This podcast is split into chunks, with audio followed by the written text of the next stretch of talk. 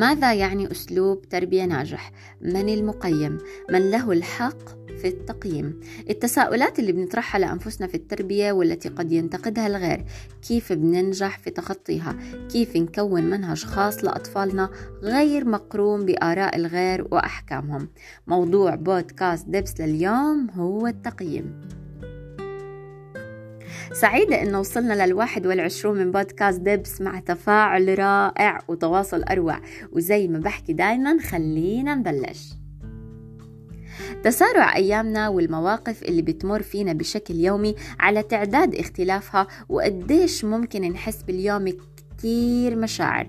اليوم بطل عبارة عن شعور واحد قائم بخلينا نعيش المود على الكامل مثل إنه تشعري بالحزن فتضلي طول اليوم حزينة.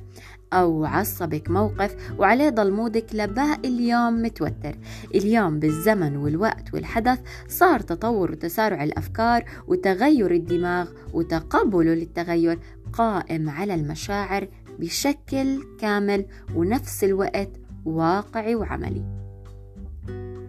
فكم صرت تفكري بتفاصيل التربية من لما تبلشي مشوار الحمل للولادة لتهيئة تربية حديثة مبنية على الحب والحوار والسعي لتكوني التوب والأفضل؟ لا سيما تفكيرك بأنه ما في حد مثالي. أنا إلي الحق بالبكاء والزعل والخوف والخجل وكتير قصص. أنا إلي الحق في يوم أحكي إني تعبانة ما بدي أطبخ جاي عبالي أطلع. أنا ما بدي أكون طول الوقت مضحية أو عايشة على مبدأ قدم وساق. شغالة 24 على 24 دون توقف وعلى أنه الحياة فيها فوضى تماما زي ما فيها ترتيب وفيها توسيخ تماما زي ما فيها نظافة وفيها الحلو زي ما الكل كان يظن إنه العيشة الطبيعية هي التعتير والتعب والآخ والإيخ وإنه في أمل زي ما في آهات مخبية مكبوتة وصارت بهذا الوقت متاحة للتعبير والفضفضة. اليوم كونك أم قادرة تفكري بشكل عام ومنطقي وحساس وتكوني اللي بتحب حالها وبتحب كل اللي حواليها واللي بتتعلم قبل ما تعلم واللي بتكافح خلينا نقول لتكون أفضل. يحدث مع كل هاي الصفات والتطورات إنه زر الإنذار دائما شغال مو لوقت معين مخصص وطارئ. فمثلا تعرضك اليوم لموقف حساس أو مربك أو متعب بطل شي مؤذي أو غير عادي. استقلالية مشاعرك وتحكمك فيها بالزمان والمكان وتقبلك لرأي الآخر وقدرتك على موازنة الشغلات وتحديد أهدافك بطل شي غريب وغير اعتيادي. ذكاء كل الناس حولك تقييمك الفخم للآخر كان معارض أو موافق كمان صار إشي طبيعي وعادي. اليوم يمكن رحلات الوعي المكثفة للجميع كبيرة استقلالهم العاطفي والمادي كبير. رؤية الناس بوضوح وصراحة لكل شي بالحياة صار من نمط الحياة وتواجدك فيها. بس السؤال المطروح بأول لحظة لأول شعور بتحسيه لما يكون التطبيق عملي لكل هاد الكلام. موقف صغير ممكن تمر فيه ويضايقك وقفي لحظتها وفكري شو تصرفك. نفترض اتضايقتي. بتعرفي شو لازم تتصرفي ولا بتتضايقي فورا؟ نعطي مثال. كنت قاعدة جلسة أمهات حالك من حالهم. صار موقف خاطئ من طفلك بناء على تبني الرأي الأول. حد انتقدك على مبدأ شوفي هاي بتفهم بالأمومة وبتحكي عن التربية بس تطلعي كيف ابنها أخطأ. أجت أم وانتقدت تصرف طفلك. شعورك لحظتها هذا الشعور تحديدا. مقيم لكل فكر أنت بتفكري فيه أو بتتبنيه كوجهة نظر أولى برضه لتبني الرأي الأول. وهون كل أم مختلفة فممكن أم ورغم قمة وعيها تكون ردة فعلها الهجوم وفي أم تانية الدفاع وفي أم ثالثة الحوار ورابعة تطنيش وخامسة صدمة وسابعة بكاء وثامنة تأنيب ضمير وغيره وغيره من ردات الفعل.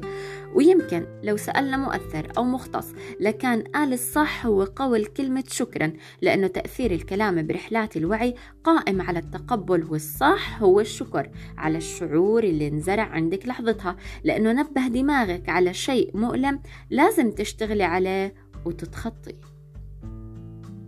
بس إذا فكرنا تفكيرنا البسيط مين اليوم هو المقيم لحياتنا بشكل كامل؟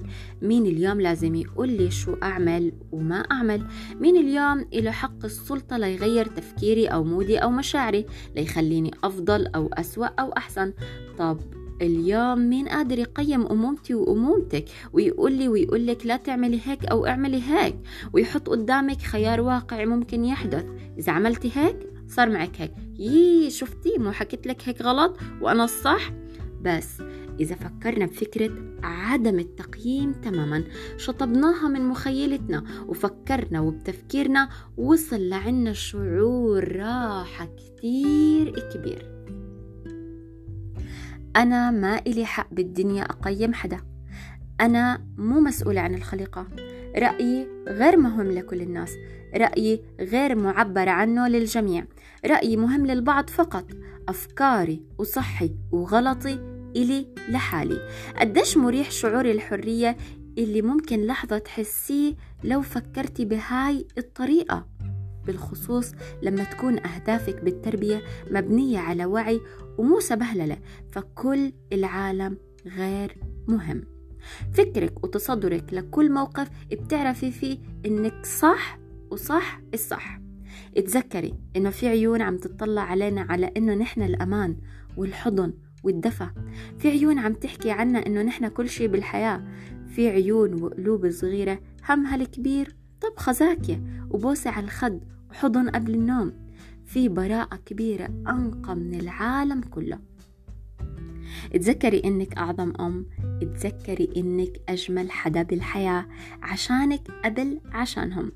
بدك تغيري اليوم؟ بلشي بحالك. وتذكري إنه تقييمك لنفسك هو الأهم.